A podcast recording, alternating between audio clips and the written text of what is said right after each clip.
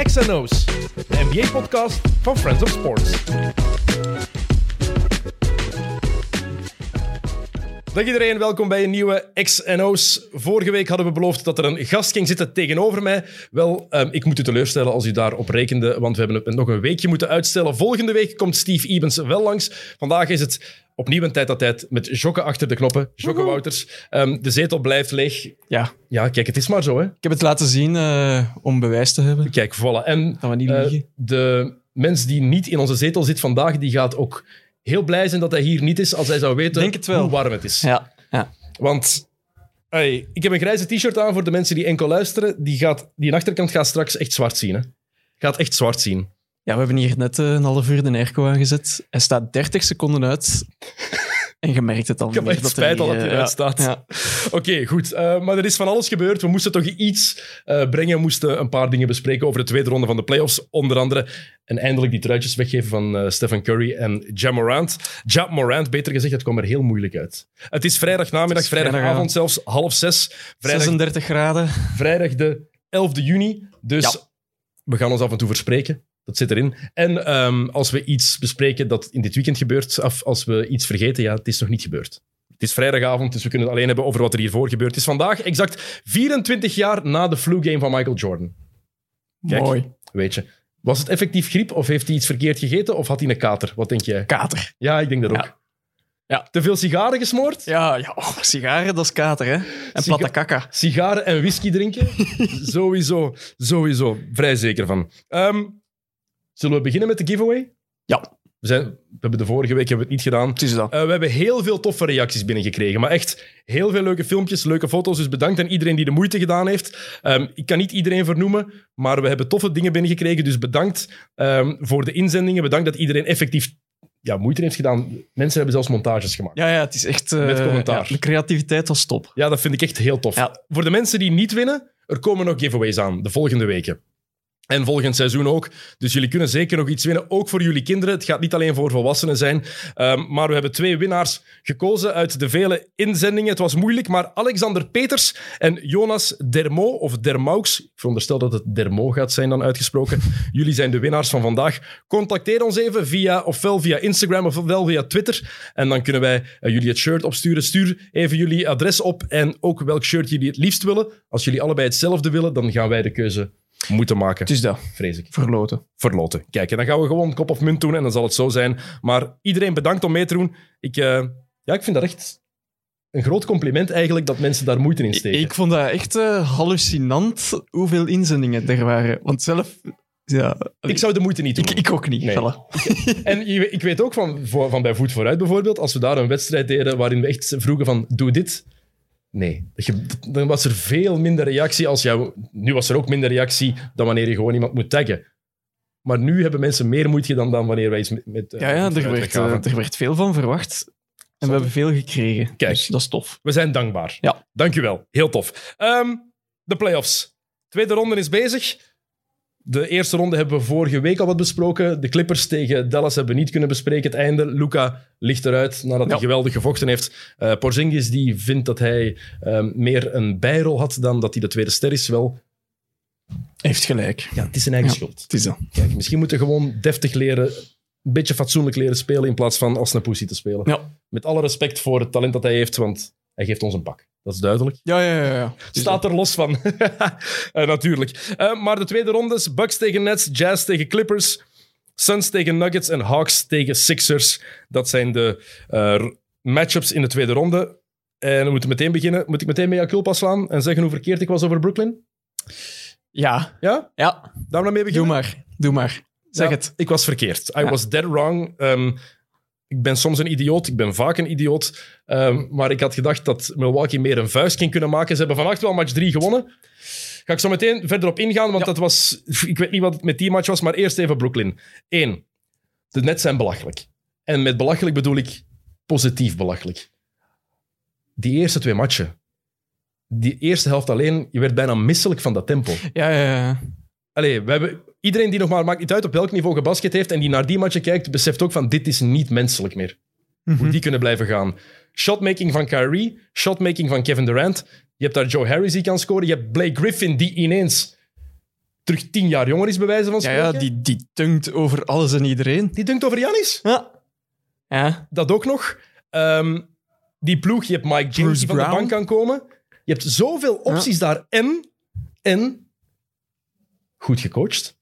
Steve Nash, we wisten dat het een positieve impact had, maar keep attacking, keep attacking. Altijd blijven gaan. En ze verdedigen. Mhm. Ja. Ja, en vooral ook Harden die dan uitvalt in de eerste minuut Na 47 seconden Huh? denk ik dat het was. in die match. In de eerste match. Dus dan denkt je wel direct van, oei, Mhm. dan toch. Hè? Maar, nou, niks van aangetrokken precies. Ik heb natuurlijk gelukkig de, enkel de vraag gesteld of Milwaukee. Waarom niet Milwaukee? Ik heb gezegd Brooklyn niet in de finale. Ik heb niet gezegd door Milwaukee. Dus ik, kan mezelf nog een beetje indekken qua pronostiek.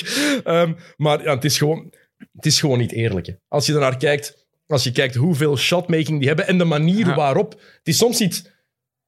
Als je houdt van het pure basketbal, als je houdt van de Euroleague bijvoorbeeld en van balmovement, dan is het niet altijd even mooi om naar te kijken. Maar als je gewoon de individuele klasse kan appreciëren, Ja, KD is echt, wauw. Allee. Oh, ik had het niet durven hopen. Nee. Maar dat is, soms gaat de bal wel rond. Moet ik even bijzeggen, het is misschien te kort door de bocht, want soms hebben ze wel Soms die is het bal wel flitsend basketbal, Absoluut, hè? absoluut. Ja, ja. het niet. Maar je hebt Kyrie, die zijn handle soms boven haalt, waar hij weer van denkt van oké, Ja. belachelijk. Maar Kevin Durant, die gast is 33 jaar, heeft zijn Achillespees afgescheurd, wat denk ik de zwaarste blessure is die als basketter kan oplopen. En die is beter geworden. Ja, vooral, ja. Die is beter. Ik denk niet dat er iemand had kunnen denken dat hij zo goed ging zijn. Dat hij weer zo goed zou worden. Of weer zo goed zou Ja. zijn. Ja. Want ik had naar Thomas van de Spiegel gestuurd vorige week van... eh, moeten we eigenlijk niet beginnen toegeven of beginnen zeggen dat Luka Doncic de beste basketter van de wereld is? We waren even over aan het sturen en dan, dan zie je Kevin Durant terug. Want tegen Boston, dat telde niet echt. Nee. En dan zie je Kevin Durant nu tegen Milwaukee en dan besef je... Ah, oké, nee. Nee, nee, nee. Nee, nee, Luca, sorry. ja, Luca was fantastisch, maar ja, helaas. Kevin Durant is, op een, is echt van, van een totaal ander niveau. Het is onwaarschijnlijk wat die gast, eh, wat die gast aan het doen is. Ehm, maar ja, wat kan, wat kan je daar meer van zeggen? Nee, van de spiegel die Thomas eh, de spiegel die even voorbij komt. voorbij. Ja, moet even vermelden. Dat Sam Kerkhoffs hierbij komt staan. Sam, jij iets te vertellen over Kevin Durant? Ja, Epic. Voilà. Kijk, Voilà. het is, het is onwaarschijnlijk. Ja, daarmee kunnen we die series eh, afsluiten. Is dat zo? Ze gaan winnen met 4-1 uiteindelijk. Schema. Dat, kijk, Tho- Thomas komt hier even zeggen dat hij op schema zit, want... ehm, wat was het? Utah tegen Phoenix? Brooklyn tegen Philly. Je gaat echt gelijk hebben, hè? Ja, maar Harden moet wel nog terugkeren op dat Brooklyn zou winnen van Utah in de finals. En dan komt het helemaal uit. Hè. Ah, kijk, die gaat echt nog gelijk krijgen, hè? Wat heeft maar plaats in de zetel voor Thomas? Ja, kijk, maar Thomas is nog maar net aangekomen. Die mens is niet voorbereid, dus we laten hem rustig passeren. we laten hem rustig zijn ding doen. Eh, nee, het is nog niet gedaan, deze serie, Jock. En ik heb nog een paar dingen te vertellen hierover. Jij denkt dat de Bucks nog een wedstrijd gaan winnen? Ze kunnen nog een match winnen, maar ik wil vooral dit zeggen. Kyrie Irving heeft gezegd, gezegd letterlijk tijdens een persconferentie, dat hij met de Brooklyn Nets de wereld verenigt. Ja. Nee, dat is niet waar. Kyrie, niet iedereen wil dat Brooklyn kampioen wordt en je bent geen... Allee, Maar moeten we, dat, moeten we daar eigenlijk nog aandacht aan schenken? ik wou, dat gewoon even, ik wou dat gewoon even gezegd hebben. Ja, De aarde is niet plat. En nee, de Brooklyn Nets zorgen niet voor wereldvrede. Jullie verenigen... Jullie zorgen niet dat alle conflicten opgelost worden. ja, helaas. Stel je Eh, voor. Het zou mooi geweest zijn. Stel je Ja, voor, het zou fantastisch zijn. Dat die heel de wereld rondreizen en met hun basketbal iedereen samenbrengen. Het zou fantastisch zijn, maar Ja, kijk... wat een droom. waar. Het is niet het geval. Ja. Garme Kyrie. Echt Kyrie Irving. maar kunnen de, Brooklyn, eh, kunnen de Milwaukee Bucks nog een match winnen in deze serie? Absoluut. Ik denk dat ze dat ook gaan doen. Nu, de derde match die we net gezien hebben afgelopen nacht was een... hoe moet ik het uit... Een draak van een match. Ja. Ik was hem naar een leuker woord aan het zoeken, maar... En een dubbeltje op zijn kant. Ja, zeker. Het, begint, het, is, het was 30-11, op of nee, 30-9 op een gegeven moment voor Milwaukee.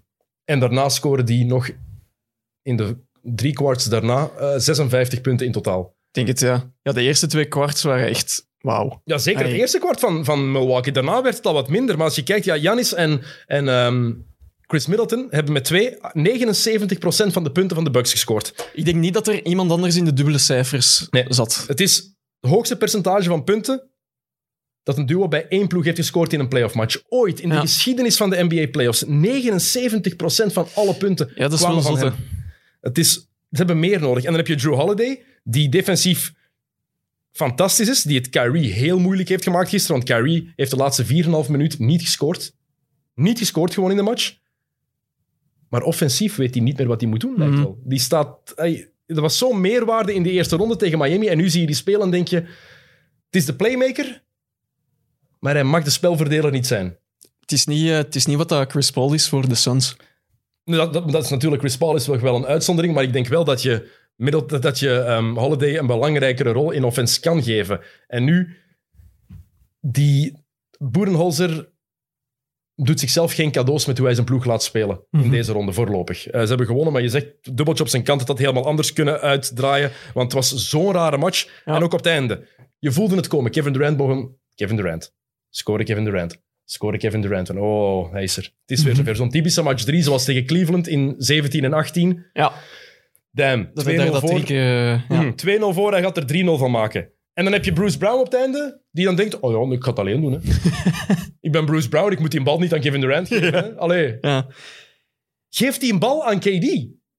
Altijd. Volgens mij, ja, ze gaan eruit geleerd hebben en ze gaan de volgende match weer winnen met 40 punten verschil, denk ik. 40 zelfs, in Milwaukee.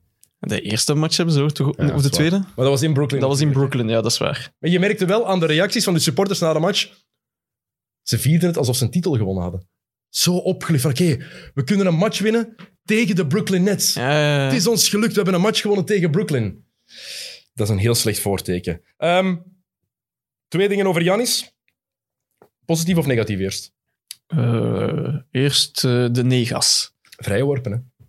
Ja, ja, dat blijft. eh, Ja, blijf, ja. Nee, nee, het wordt erger. Het, het blijft niet. Chokken. Het is, wacht, de cijfers zijn... Deze serie, eh, heb ik het hier nog openstaan? Zo ja, waar heb ik het openstaan? Het juiste tabblad zoeken. Maar je ziet dat... Kijk, vrije worpen van Janis in deze playoffs alleen, dus niet alleen deze serie, deze playoffs, 53% En in deze serie, want het internet werkt hierboven niet, jammer genoeg, misschien met de hitte te maken, ehm, maar dat is minder dan 30% van op de vrijworplijn. hè. Ik denk zo'n 25 of 23% dat het was.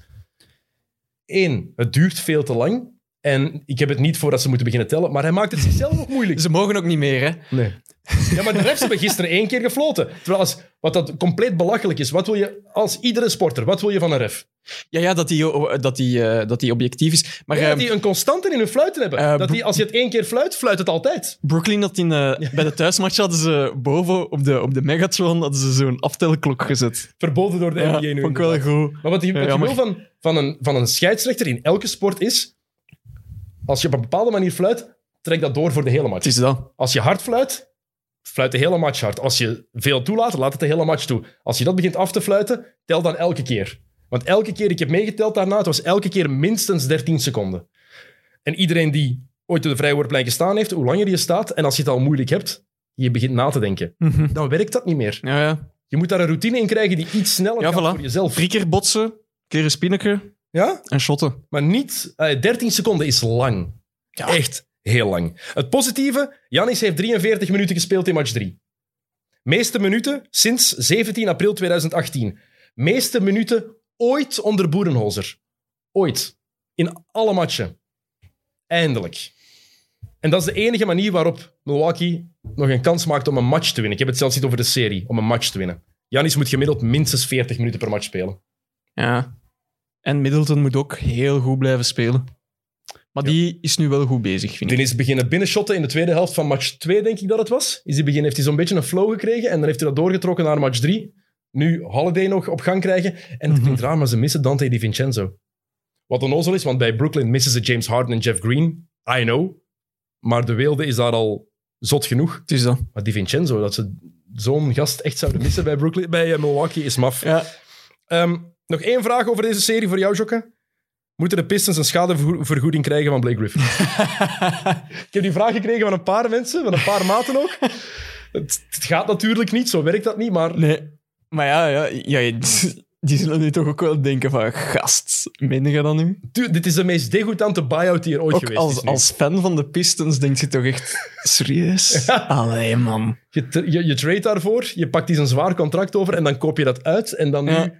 Die, die gast heeft niet gedunkt voor Detroit, hè? Ja, je zag dat in de eerste match dat hij bij Brooklyn speelde, zijn eerste score, denk ik, was met een dunk. En dan had je wel al het gevoel van... Oei, hm, Hij kan het nog. Ja, hij nou, kan, nou. En, Bla- Bla- hij ja. kan het nog. Blake Griffin was het verschil in matchen 1 en 2. hè? Oké, je hebt dan natuurlijk Kyrie en KD die bij elk shot van die twee, ik weet niet of jij dat ook hebt, maar elk shot dat Irving of Durant pakken, denk ik binnen. ja, Elk shot, hè? Maakt niet uit, contested of niet. Binnen, doe maar. Altijd binnen. ja en, En dat heb ik bij niemand bij Milwaukee. en Blake is... eh, ja, ik weet niet. Heel gelukkig. Het is een- dat is duidelijk heel gelukkig. Maar ik heb bij niemand bij Milwaukee dat gevoel als die een shot pakken, binnen. Bij, Nee, je bent op zich nee belangen niet. Het is gewoon echt zo op je. Wat bij, bij Golden State was het ook. Curry, Thompson en KD was gewoon van, ja, ja, shot, stok binnen. Ja, dat is wat dat je nu ook eigenlijk wel bij Doncic hebt, vind ik. Ja, meer en meer begint te krijgen. Ja, ook al zeggen de cijfers soms iets anders. Zelfs bij een zot shot verwacht je nog altijd van, ja, KD had op een gegeven moment dat hij, denk in game one was het, dat hij, Janis staat op hem te verdedigen en hij doet daar die in-and-out move, double crossover. ja, ja, ja. ja. Janis is een hele goede verdediger. Hè? Ja, En die moves van KD, die zijn echt... Echt een- Ongelooflijk, En dan die soft touch. Het is Ja. onwaarschijnlijk. En je kan KD... Wat ik trouwens straf vind daaraan. Waarom kakt niemand daarop? Dus die move naar Golden State, iedereen haatte dat. En ik snap de redenering. Ik had daar persoonlijk geen probleem mee, maar ik snap het. Naar de ploeg waardoor hij uitgeschakeld was. Ehm, ploeg die net 73 matchen gewonnen had. Dus ik snap dat helemaal. Ja. Waarom zegt niemand er nu eigenlijk iets van dat hij opnieuw naar zo'n superteam gaat? Hij heeft het zelf samengesteld met Kyrie en dan Harden. Ervoor gezorgd dat Harden zou komen mee. Ja, Dat, dit, dat, nu is het ineens... Ik heb het ge- misschien ben ik fout, maar ik maar Brooklyn iedereen- betekende nog niks hiervoor. Misschien Ja, daarom. Misschien daarom. En omdat hij er niet van verloren had net het jaar daarvoor. Ja, Maar op zich is er weinig. Golden State was op zich al echt een, een superteam. Klopt. Ja. Ik denk dat we dat ergens overschatten. Ze hadden een super, Misschien wel, hè. ze hadden een super seizoen gehad. Dat ja, was en het. ze hadden een superster met Curry. ja, en Thompson en ook en fantastisch. Thompson die dan heel goed was. Green Green. defensief, maar het was niet... Het was geen superteam zoals Nee. ze bijvoorbeeld bij Miami daarvoor hadden. Of Nee, zoals nee, nu. Brooklyn. Nee. Het was een goede ploeg. Die een super seizoen hadden gehad. Maar wat, ik vind het opvallend dat dat nu redelijk Ja, dat is Nu waar. het oké. Niemand neemt Durant kwalijk dat hij nu wel met supersterren samen gaat spelen, terwijl toen wel.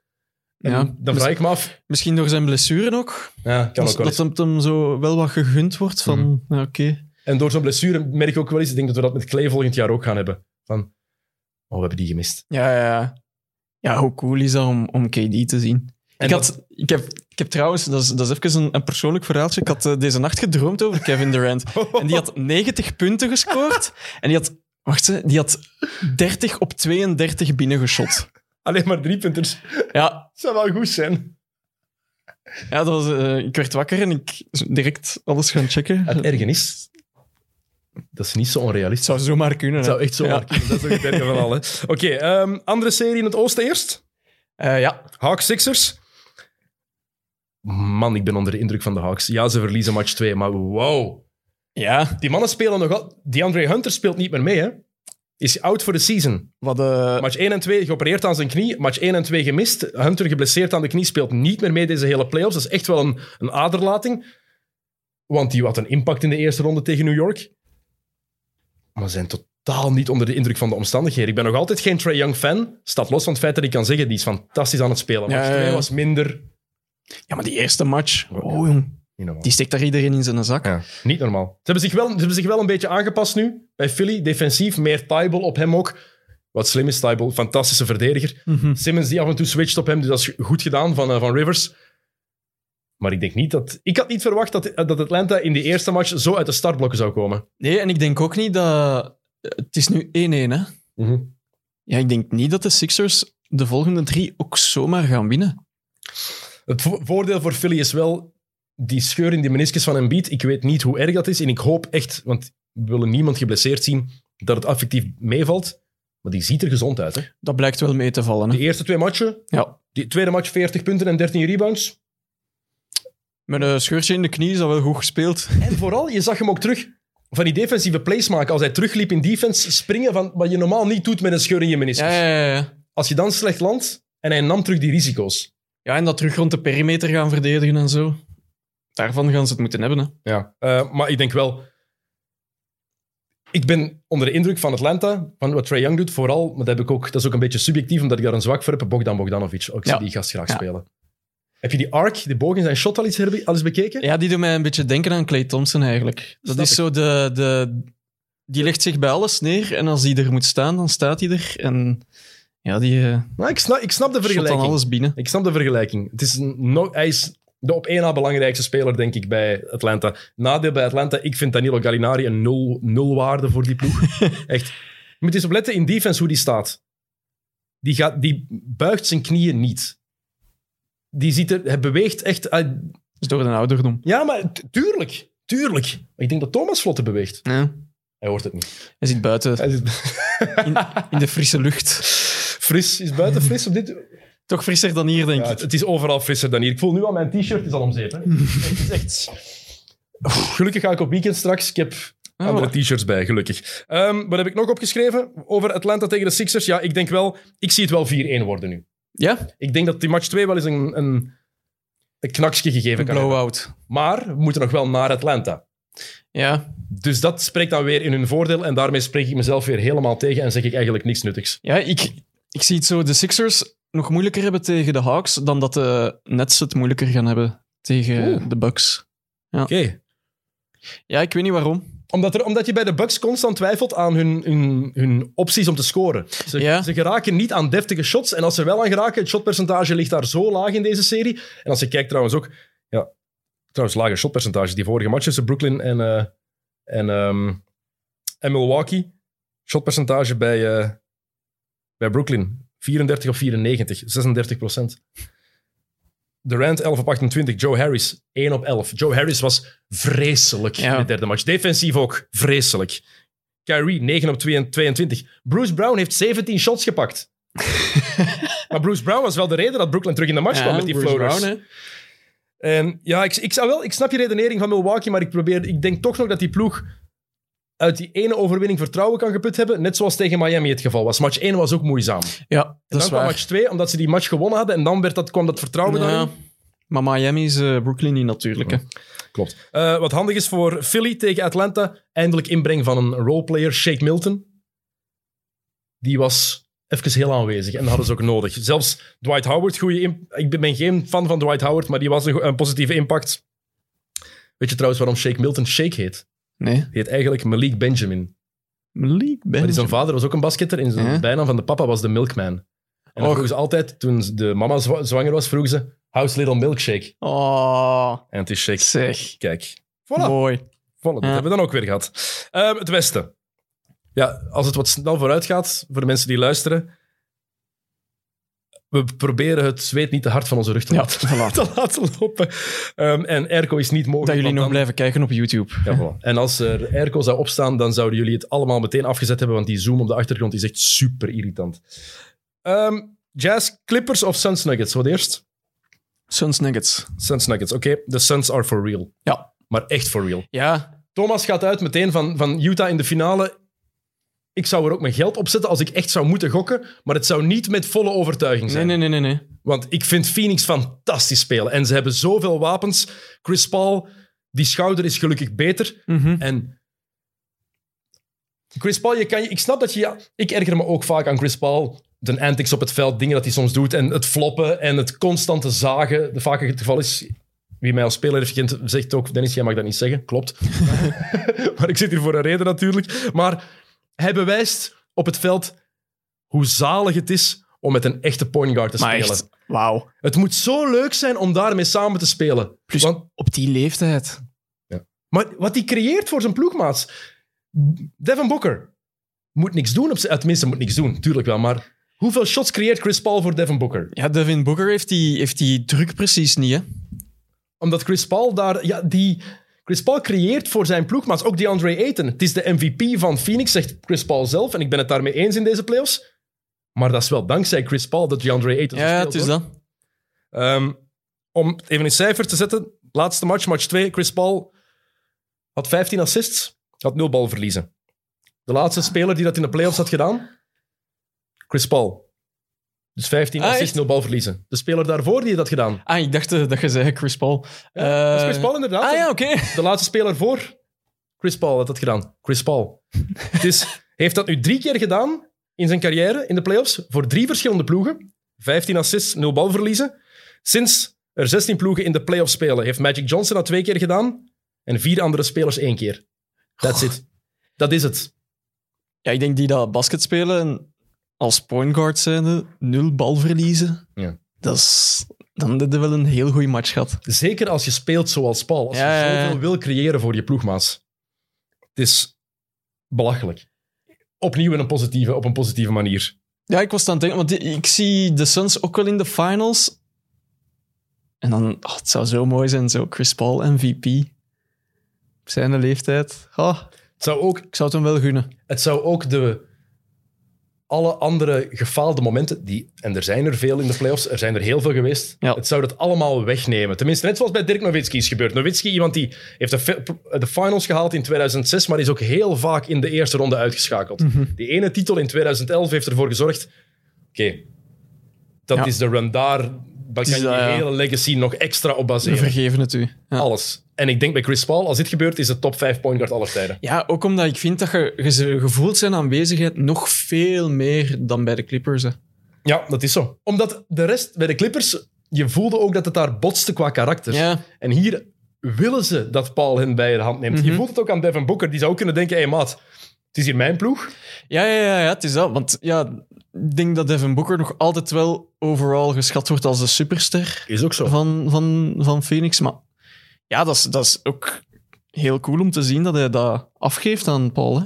Ja, Paul maakt Dus- hem ook gewoon beter. En Ja. los daarvan is Devin Booker een fenomenale speler. Mm. Wel mensen die nu zeggen van... eh, alle mensen die vroeger zeiden, eh, Devin Booker, ehm, great stats, eh, bad team guy, hij maakt zijn ploeg niet beter. Het is niet omdat het nu wel gebeurt dat het van het verleden wegvalt. Dat was zo de eerste vijf, zes jaar uit zijn carrière, was dat great stats, bad team. Hij maakte zijn ploeg niet beter. Ja, ja, ja. Nu wel. En het is een gast die geëvolueerd is, maar we moeten ook, mogen ook niet vergeten, één jaar college bij Kentucky.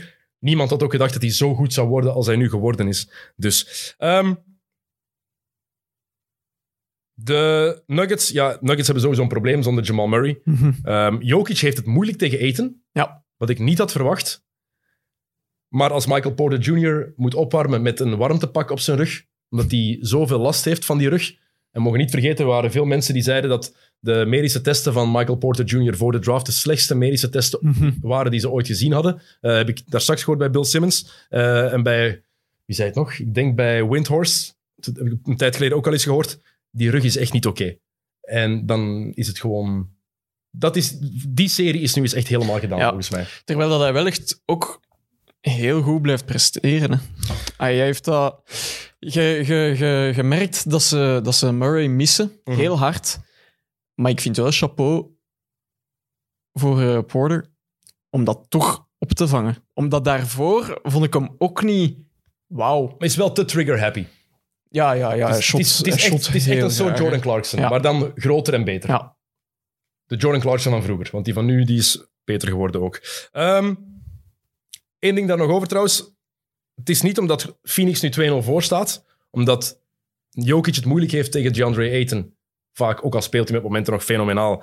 Maar het is niet omdat het 2-0 staat en omdat CP3 dingen laat zien die fenomenaal en fanta- fantastisch zijn, dat Chris Paul MVP had moeten worden en niet Nikola Jokic. Dat is heel duidelijk Nee, nee, nee. maar er zijn heel veel mensen die het gaan zeggen. Stel je voor dat het 4-0 wordt, Ja. gaan er heel veel mensen zeggen... Zie je wel, Jokic had nooit MVP mogen worden. Nee. MVP is van het reguliere seizoen. Alles wat er in de playoffs gebeurt, staat daar totaal los van. Het is dat. Compleet. Heeft er niks mee te maken. Kan het een bevestiging zijn van je MVP-trofee? Absoluut. Kan het het meer, meer cachet geven? Ja. Absoluut. Maar dat betekent niet dat het niet verdiend was. Eh Nowitzki is MVP geworden in 2007. Ze lagen eruit in de eerste ronde toen tegen de We Believe Warriors. Heeft dat de glans een beetje afgenomen van de MVP-trofee? Ja. Was die MVP-trofee daarom minder verdiend? Nee. Totaal niet. En er is maar één iemand die dit jaar MVP had mogen worden. Dat is Nikola Jokic. Het is dat. Lijkt me logisch. Verdiend. Vind ik ook. Ehm Swat, toch even dat er nog bij zeggen. Ehm Jokic trouwens, ja, wat een zot verhaal. hè. MVP, de laagste draftpick ooit, 41ste pick. Ehm, weet je wat er gebeurde toen, zijn, toen hij geselecteerd werd? Commercial. Weet je van wat? Hotdogs? Taco Bell. Taco Bell, juist. Ja. Goed, hè. Er zijn geen beelden van. Ja. Hij was zelf aan het slapen toen hij gedraft werd. Hè? Zo... Ja, dat is, dat is heel grappig, hè. Omdat al die highlights beginnen altijd met number... Met de 41st pick. Denver Nuggets select. Maar hebben ze niet. Nee. Niemand Ik heeft vond het goed, de, de Nuggets waren er zelfs mee aan het lachen. Ja, het is ook gewoon hilarisch. Zo'n is- burrito die opgerold wordt. Het is, het, is, het is ook zo, ja, typisch Jokic eigenlijk een beetje. Heb je die gast gezien trouwens die ehm, die, die trofee moest uitreiken van Kia? Ah nee. Hij moest zijn naam... Ik ga het even zoeken dat ik het kan laten horen. Technologie en zo, hè. Ehm, hij moest zijn naam... Waar heb je daarin gezet? Moest zijn naam natuurlijk juist uitspreken, dat is redelijk belangrijk. achievers. So today, it's my distinct honor to present Nikola Kovic, Kovic. Kokic, I'm sorry, uh, of the Denver Nuggets with the 2020 Dus Kovic en dan Kokic. Hij heeft de naam nooit juist uitgesproken. De man van Kia die de Oh. tro- trofee uitreikt, die had one job. Ja. Ja, Stel je voor met de gouden bal. Lionel. Lionel Mossi, Lionel Miso. Messi. En het dan niet meer Ja. herstellen. Ja. Eh, eh, trouwens, er is, er is iets positiefs door heel deze corona-shit. hè. Weet je al wat?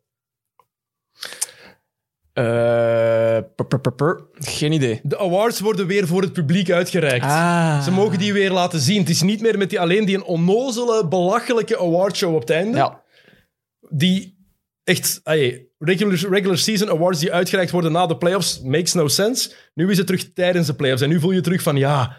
En ze mogen dat dan laten zien voor het publiek in een trofee. Binnenkort mag Jokic het laten zien. Ehm, in Denver kan hij laten zien, hier is mijn trofee, mannen. Ah, Ik vind dat, van, ik vind dat zo goed. Ik vind Ja, dat is ook logisch eigenlijk, hè. Maar tuurlijk, zo, dat hoort zo ook Ja, ja. voor een belangrijke playoff match laten zien. ehm, Gobert heeft dat vannacht ook gedaan. Defensive Player of the Year Award, trofee laten zien, appreciatie van het publiek, ploegmaats erbij betrekken. Toch veel NBA Awards zijn geen Oscars. Nee. Maak er ook geen Oscar-achtige show van. Het is dat. Ehm, wat trouwens wel nog altijd kut is, of ik, dat ben ik, ik ga even heel, heel conservatief zijn. Hè.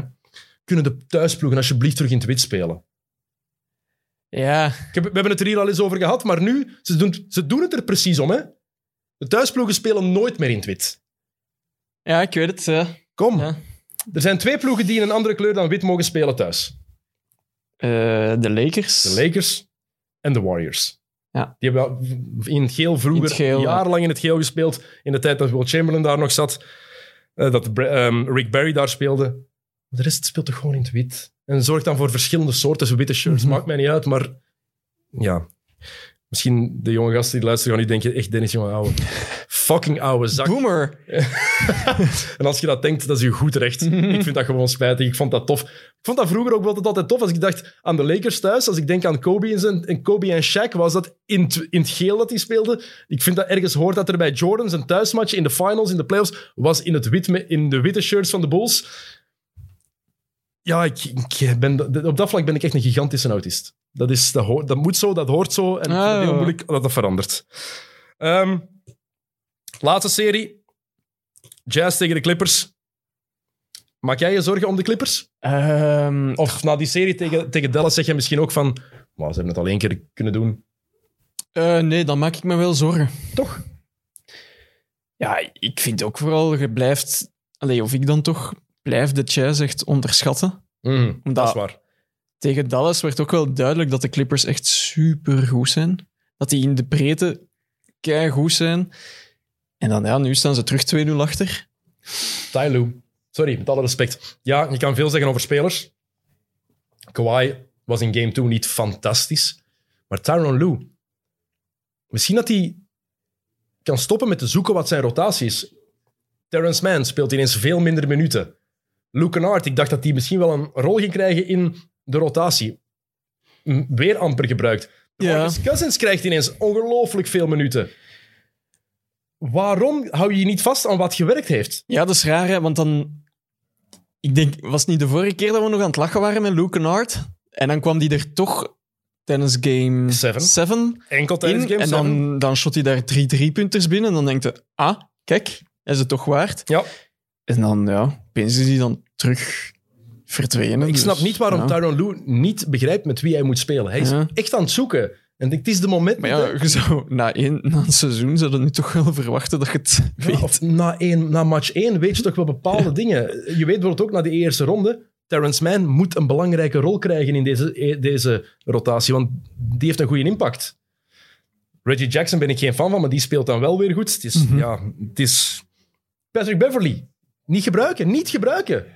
Mag nu wel ineens weer spelen. Ik, eh, en toch eh, denk ik dat ze geen, niet in paniek moeten slaan bij, bij de Clippers. Nee?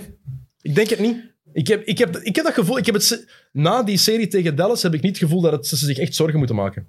Nee, ja, omdat tegen Dallas wel duidelijk werd dat ze echt heel goed zijn. Maar ja, het zou toch straf zijn als ze dat terug kunnen... Het was ook niet dat het maken. verschil zo groot was tussen de twee in de twee matchen. Nee, dat is waar. Match 1 hebben we de game-saving blok nodig gehad van Rudy Gobert op het einde. Ja. Oké, drie punten van Marcus Morris. Ik ben Ja. geen fan van Marcus Morris. Nee, ik ook niet, maar nog altijd goede defense. hè. Goeie, maar uitstekende Amai. defense. Ehm, en in de tweede match kwamen ze ook net tekort. Eh, en nu gaan ze terug naar LA. Ja, ik vraag me echt af. Maar ehm, wat duidelijk is, de Clippers missen Sergi Ibaka. Echt heel hard. Mhm. Het zou een groot verschil maken. Zou Gobert ook veel meer mee naar buiten kunnen is trekken. dat, ja. Ik denk dat, dat, dat ze dat ook moeten doen. Ze moeten klein spelen. En proberen de Jazz van het veld te lopen. Ehm, en ze hebben nog meer nodig. Hij was goed in match 2, maar ze hebben nog meer nodig van, van eh, Paul George. Ja. Ja, je merkte, omdat je nu zei van eh, kleiner spelen, je merkte toen dat ze smallball speelden tegen Dallas, dat balken dat ging zo goed Met rond. Batum op de vijf. Dat is echt wel... eh, ja. Met Batum, met mooi Terrence Mann. Dan werkte dat. Ja. En ik snap niet waarom ze dan nu ineens denken van ja, we gaan het toch proberen met de Marcus Cousins. Want die zit hier toch op de bank. Nee, niet doen. Ehm, opvallende Paul George stat die ik gevonden had. Sinds de shotklok er is, dus dat is denk sinds seizoen 54, 55. ehm, alle spelers die in de playoffs amper 25% of minder hebben binnengegooid.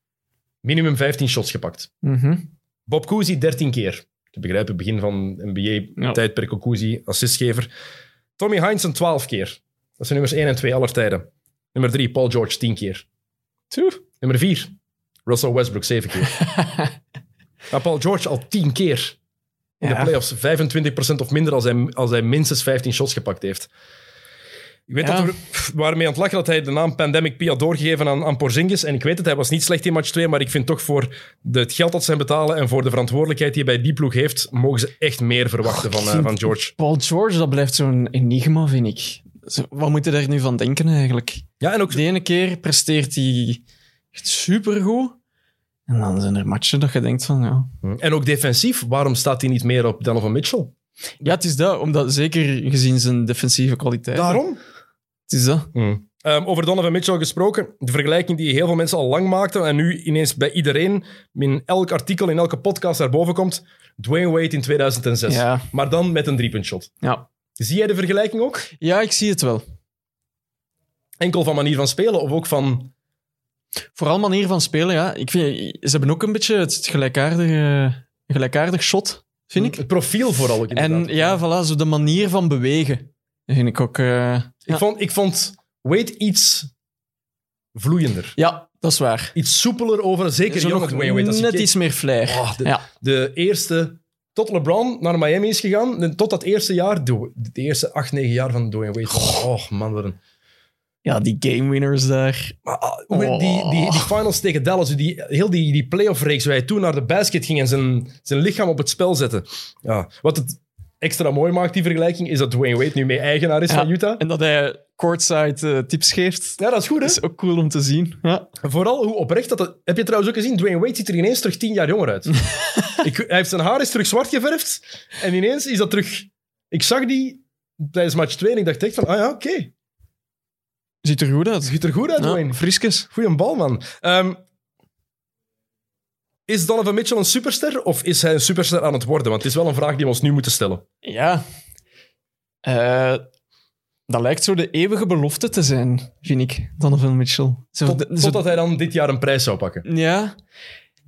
Want we zeggen dat nu denk ik al een paar jaar. Van, ja, die gaat het echt maken, maken. Of misschien onderschatten we gewoon zijn, zijn kwaliteiten. En is hij wel echt een superster, Of man. misschien zien we dat ook zo omdat hij maar in Utah speelt. Ja, voilà. Ja, Utah is nu ook niet de ploeg waar dat iedereen warm van wordt. Nee, als hij bij de Knicks zou spelen, zou het misschien anders zien. Het is dat.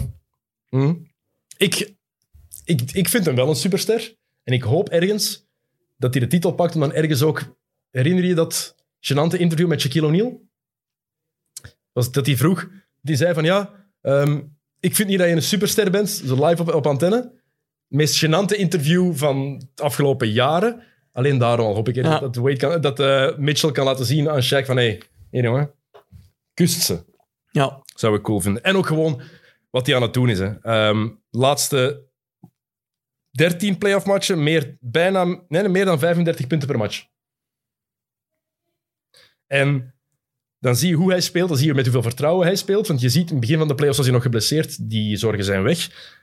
En dan komt daarbij dat Utah de beste verdediger heeft met Rudy Mhm. Gobert. Want mensen die zeggen van Gobert, zo goed is hij defensief niet. Het valt veel harder op bij Ben Simmons. Maar, ja, dat is waar, ja. maar de impact Maar indirect. mensen durven niet naar de paint gaan, omdat Ja, Gobert ja, daar in dat. de buurt staat. Hè? Alleen daarom al. En kijk, dat, dat, dat blok op Marcus Morris bewijst dat hij in de perimeter ook wel zijn, zijn plan kan Ja. Maar de Jazz hebben ook ze hebben een fantastische defensieve ploeg. Op dat vlak alles om de titel te pakken. Maar ook offensief hebben ze best wat opties. Eigenlijk. Ehm, we wisten dat heel het jaar al. Maar als je dat nu beziet tijdens de playoffs. Conley is geblesseerd. Eerste twee matchen gemist van deze serie. Ja. Die gaat terugkomen, dus je hebt dan terug die floor leader. Je hebt Donovan Mitchell, die eigenlijk alles kan. Gobert, dat is die pick-and-roll optie die je hebt. Je hebt Bojan Bogdanovic, die ineens 20 punten op rij kan, kan scoren en van alle kanten van het veld kan binnengooien. Joe Ingles. Joe Ingles, hè. Ik- Oh, ik, vind die, ik, hou, ik heb het voor Australiërs. Ja, en Joe ook. Ingles is zo de opper-Australiërs. Oh, ja, zo die, die, toen dat, eh, Jordan Clarkson zijn eh, Sixth Man kreeg, dat dat hij daar zo zit in, dat, in zo'n lelijk t-shirt. Doesn't give a, it Ja. doesn't give a fuck wat er gebeurt, ja. En als die open staat, shot hij ook binnen. En ook vooral, Joe Ingles heeft iets met Paul George. Ik weet niet wat dat is, Ja, maar die ziet Paul George verschijnen en die denkt, ah, oké, ça va, vandaag scoor ik er 20. ja die gaat eraan. ook goede verdediger. Je hebt hem al genoemd, Jordan Clarkson, die van de bank ineens voor instant offense kan zorgen. Dan heb je de roleplayers die een rol, die een rol kennen daar binnen die ploeg. Hele goede coach met Quinn Snyder. Ja, Thomas heeft ze in de finale gezet. En ik geef hem niet graag gelijk. Daarom, ik zeg nog altijd, de Clippers gaan Utah uitschakelen, gewoon omdat ik tegen Thomas wil... Dat is de Ja. enige reden dat ik dat zeg. Maar deze ploeg heeft alle ingrediënten om de titel te pakken. Ja. Alles. ja, en ik denk dat niemand dat verwacht of wilt, of... Ja, ik weet niet. Ja, het is ook Utah. Hè. Maar ze, ja, het is dat. Dat Het is zo- zoals dat gezegd, ze, ze hebben zo geen charme of zo. Het is, het is ja. Het is en blijft Utah, echt. En ja, voor mij is het als, als 90s en 80s Bulls fan. Begin jaren 2000 ook, maar ja, dat waren zo irrelevant. Ja, de Utah Jazz, twee finals op rij. Ik denk altijd terug aan die ploegen van toen met die mottige paarse shirts met die bergen op. Ja. of die, die witte, die waren ook zo lelijk, vond ik. Ik heb er een van thuis Ja. van vroeger, hè. Natuurlijk, ik heb dat van Brian Russell gekocht omdat Jordan die afgemaakt had. Om zo'n vogelen piek op te gooien. nee, nee, mijn grootvader was naar Utah gegaan. De familie van mijn grootmoeder woont in Salt Lake City en had dat meegepakt. Ah, oké. Daarom. Die dacht, Dennis een basket van, ik zal hier een blusje mee pakken. Als we gaan kijken naar de playoffs tussen Utah en San Antonio met rookie, eh, met rookie Tim Duncan. Cool. Ja, cool hè? Vond het ook. Ik was er niet bij, dus ja, ik heb er niet veel aan gehad. Maar, eh, eh, goed, ja, dat zijn de playoff-series die, we, die er zijn geweest. De volgende week hebben we een nieuwe opname. Ik denk dat er dan nog geen... Ja, er gaan al series gedaan zijn misschien. Wie, wie, denk, wie, wie zat jij in de... Maar dat was heel moeilijk. Oeh, Vrijdagavond, Ja, het begint was- heel warm te worden. Ik ga terug. Wie zet jij in de conference finals? East en West? Eh, East ga ik toch voor Sixers tegen Nets. Mhm. West vind ik een moeilijke. Ja, sowieso Phoenix. Ja, inderdaad, ik ook. Ehm, En dan? ik verwacht de Jazz. Ja, ik ook. Maar ik zeg de Clippers omdat ik Thomas nog geen gelijk wil geven. Oké. Ik moet een bak, hè? Weet je nog? Ja, een- gelukkige wit om de mak. Ja, bier naar keuze. Ah, Ja, West kan je nu gemakkelijk bestellen zelfs. Je moet niet meer naar West ja, die Vleteren dan naar huis brengen. Hè. Dat is een Ja. probleem, hè. Ik heb nog een paar dingen opgeschreven. De MVP-stemming. Derrick Rose heeft een, stem, heeft een stem gekregen. Ja. Blijkbaar, dus sinds kort is er nu ook de publiekstem. De fans mogen... Die krijgen dan één ja stem. Der- Derrick Rose is door iemand op één gezet geweest. door de supporters. Ah, Dat is blijkbaar de fanstem. Dus de lokale media die zijn hun stem kwijt en de supporters krijgen dan één stem. Dus eigenlijk gewoon zeggen, jullie worden betrokken, maar eigenlijk hebben jullie geen hol te zeggen. Want één stem haalt niks uit. Ehm, ik snap het. ja, ik Ook snap... veel sympathie voor Derrick Rose. Ja, Maar dat is dus het bewijs waarom supporters niet mogen stemmen voor awards. voilà. Nog eens, net zoals voor de All-Star Game. Ja. Denk aan Zaza Pachulia een paar jaar geleden. en ik weet, het is gemakkelijk te zeggen, maar de, maar de pers dan wel. Ja, want die kijken de meest... Zeker die, die journalisten die mogen stemmen, en zij Klo onder andere, al die mannen, Brian Winters, die kijken zoveel matchen. Jalen Rose, die kijken zoveel matchen dat het logisch is dat die een stem hebben. Ja, die gaan niet Sasa Pachulia erin Nee, en dan zeg je van, ja, waarom de spelers niet zelf? Omdat die dan ook gaan stemmen voor hun eigen ploegmaats. Kijk, ehm, Pat Riley heeft een boete gekregen Ja, voor tampering, omdat hij gezegd heeft, als LeBron terug wil komen, dan leg ik de sleutel klaar onder de deurmat. ja, we moeten daarvan denken. Ah, dat dat belachelijk is dat je daar een boete voor krijgt. Ja. Dan moet je daarvan denken. Ai, vind ik toch. Ja, Kom. Ehm, mocht niks meer zeggen tegenwoordig. Oh ja, dus, dus was dat er net die aftelklok niet meer mogen zetten. Maar Allee, dat- kom maar. Dat is toch goed? je mag niks meer zeggen tegenwoordig. Dat mensen dat echt geloven. Het is in dit, in dit land. Echt, je hebt er zoveel chance. Wij mogen hier zoveel zeggen. Hè? Echt, allee, dat is toch echt niet normaal. Oké, eh, LeBron gaat terug nummer 6 dragen. Eh, sorry? LeBron gaat switchen van nummer. Normaal ging hij dat afgelopen seizoen al doen. Hij gaat nu terug met nummer 6 spelen, volgend seizoen. Anthony Davis zou wel met 3 blijven spelen. Ah, dat is dan raar. Ja. LeBron heeft een levenslang contract met Nike. ja. Wie maakt de shirts? Nike. Dus het laatste shirt met nummer 23 waar LeBron voorlopig misschien ooit niet gespeeld heeft, Devin Booker heeft dat dan gekregen. Dat is gesigneerd en Booker heeft dat gehad. Voilà, even een eh, melding. Ah, cool. Eh, nog één ding, laatste. Devin Booker heeft ook de schoenen van Kobe toen gekregen. Hè? Was dat niet? Niet de laatste, denk ik wel. Het laatste was tegen Utah. Laatste was tegen Utah, ja. Maar, Hij heeft wel een paar schoenen gekregen. Kobe, ja, waarschijnlijk. Maar ja, Booker is ook een heel Hij was ook zo de leermeester. Kobe-adept, Ja. inderdaad. En die hadden een heel speciale band ook. Ehm, nog één ding. Het is, het is eigenlijk het vermelden, vermelden misschien niet echt waard, want het staat eraan te komen. Kemba wil weg uit Boston en Boston wil hem ook laten gaan. maar ja, wie gaat, Kemba, wie gaat willen traden voor Kemba Walker? Ja, voilà. kapotte knie? Niemand, hè? Denk ik. Nee, Oké. Voilà. ik zou hem niet willen. Zo snel gaat het. Ehm, nog één belangrijke pronostiek. Wat wordt het morgen? België-Rusland? Of is het Rusland-België? Eh, het is eh, België-Rusland. In Rusland. In Rusland. Met een zekere Jocke Wouters in het stadion. Eh, ja, waarschijnlijk niet, want ik ga... Oh, Dus, dus, ja, even kaderen. Dus ik ga mee voor een programma om te filmen. Maar ik ga waarschijnlijk tijdens de match moeten monteren op een hotelkamer. Jij meent dat echt? Ja, die, die, de, die, eh, die aflevering moet de volgende dag al amper... Ik denk... Maar slaap dan niet die nacht, hè? Ja, dat zal sowieso het geval zijn. Ja, maar die match, allee, Jocke. Ja, ik weet het. Ik weet het. Ik ga er alles aan doen om te kunnen gaan kijken, maar ja... Werk gaat een- voor, hè. Mogen we de naam van het programma niet vertellen? Of is dat... Ja, maar, oh, ja, maar, Oké. katje voor de sfeer. Kijk, ik wou net zeggen, Ja. want je zei zo voor het programma. Nee, nee, nee, nee. nee. Ja, ik, ik wist niet of dat we dat mochten vertellen. Katje voor de sfeer. Hier mag alles verteld Voor de sfeer. Ik heb trouwens, nog vergeten te vermelden, deze podcast mee aangeboden door Bouncewary. Vorige week ook in mijn intro vergeten. Ja? Dat is door de hitte. Kijk, we hebben wel de prijs die we dan natuurlijk dankzij Bounceware kunnen aanbieden, hebben we wel even vermeld. Ehm, maar dus, morgen, België-Rusland, wat wordt het? Eh 2-0. 2-0, Ja. gematigd. Ja, ze, eerste wedstrijd er een beetje inkomen. Ik denk 2-1. Ik denk dat we even, schrik gaan hebben. Ah, En dan uiteindelijk nog net Ja. op tijd gaan toeslaan. Ja. Ik, zeg, ik vraag het ook om reclame te maken voor de nieuwe podcast die hier aankomt. ja. Mit Mit, de EK-special met eh, Sam en Evert. Die gaan hier twee gasten... oh, als het hier zo warm gaat zijn overmorgen. ja, kijk. Ze gaan een uur praten. Ehm, Sam en Evert krijgen overmorgen Gilles de Koster en Rick Verheijen op bezoek. Een Beerschot-supporter en een Club Brugge-supporter. Ja, Eh, ja, Absoluut. klopt. En twee Rode Duivels-supporters. Klopt. Ehm, die hier dan eh, komen zitten om een uurtje te praten over de matchen van de Rode Duivels. Ik wou de Belgian Lions zeggen. Over de matchen van de Rode Duivels. Ehm, Stel u voor dat Sam en Evert daarover babbelen. Sam, Ja, en dan is eh, nummer 5, Quentin die is dan naar de, eh, naar de korf gegaan. ehm, maar elke dag Eh, Na een match van de Rode ja. Duivels komt er een, eh, een Mid-Mid EK-special ehm, met een paar heel interessante gasten. Dus ons gaan ze niet vragen. Nee. Dat is al duidelijk. Ik ga ook niet kunnen. Nee. Eh, en Jokke, ja, je gaat er volgende week waarschijnlijk niet kunnen bij zijn hier. Nee. Want de mensen moeten werken voor Katje voor de Sfeer. Druk, druk, druk. Ja, spijtig genoeg wel. Dus dan zal het... Oké, je, eh, hebt, eh, je hebt een mooie gast voor volgende week, hè? Steve Ebens komt volgende week echt langs. Volgende week vrijdag gaan we met Steve opnemen. Ehm, en de week daarna, via Skype of Zoom of whatever, nog eens over de NBA praten met Brian Lynch vanuit de States. Hey. Altijd tof. Haal uw beste Engels dan of uw eh, Google Translate boven. Eh, maar dat gaat ook heel tof worden met Brian. Altijd leuk om daarmee over basket te praten. En nu gaan we hier weg, want het is... Ja, we zijn aan het wegsmelten. Jij, staat recht, hè? Ja, Ik zit Ik wil niet... Ja, en zeker in zo'n stoffen zetel. ja. Ik heb heel veel schrik om recht te staan.